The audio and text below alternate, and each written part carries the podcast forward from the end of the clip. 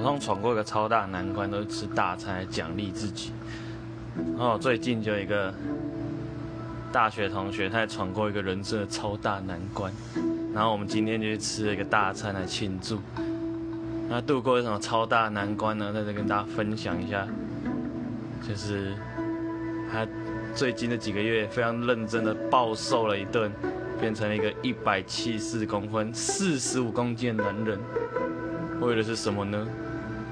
答案就是免疫。免疫啊，你各位！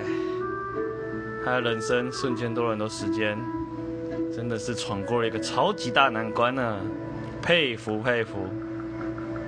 没错，闯过一个大难关，当然就是用吃吃美食来补偿自己啊。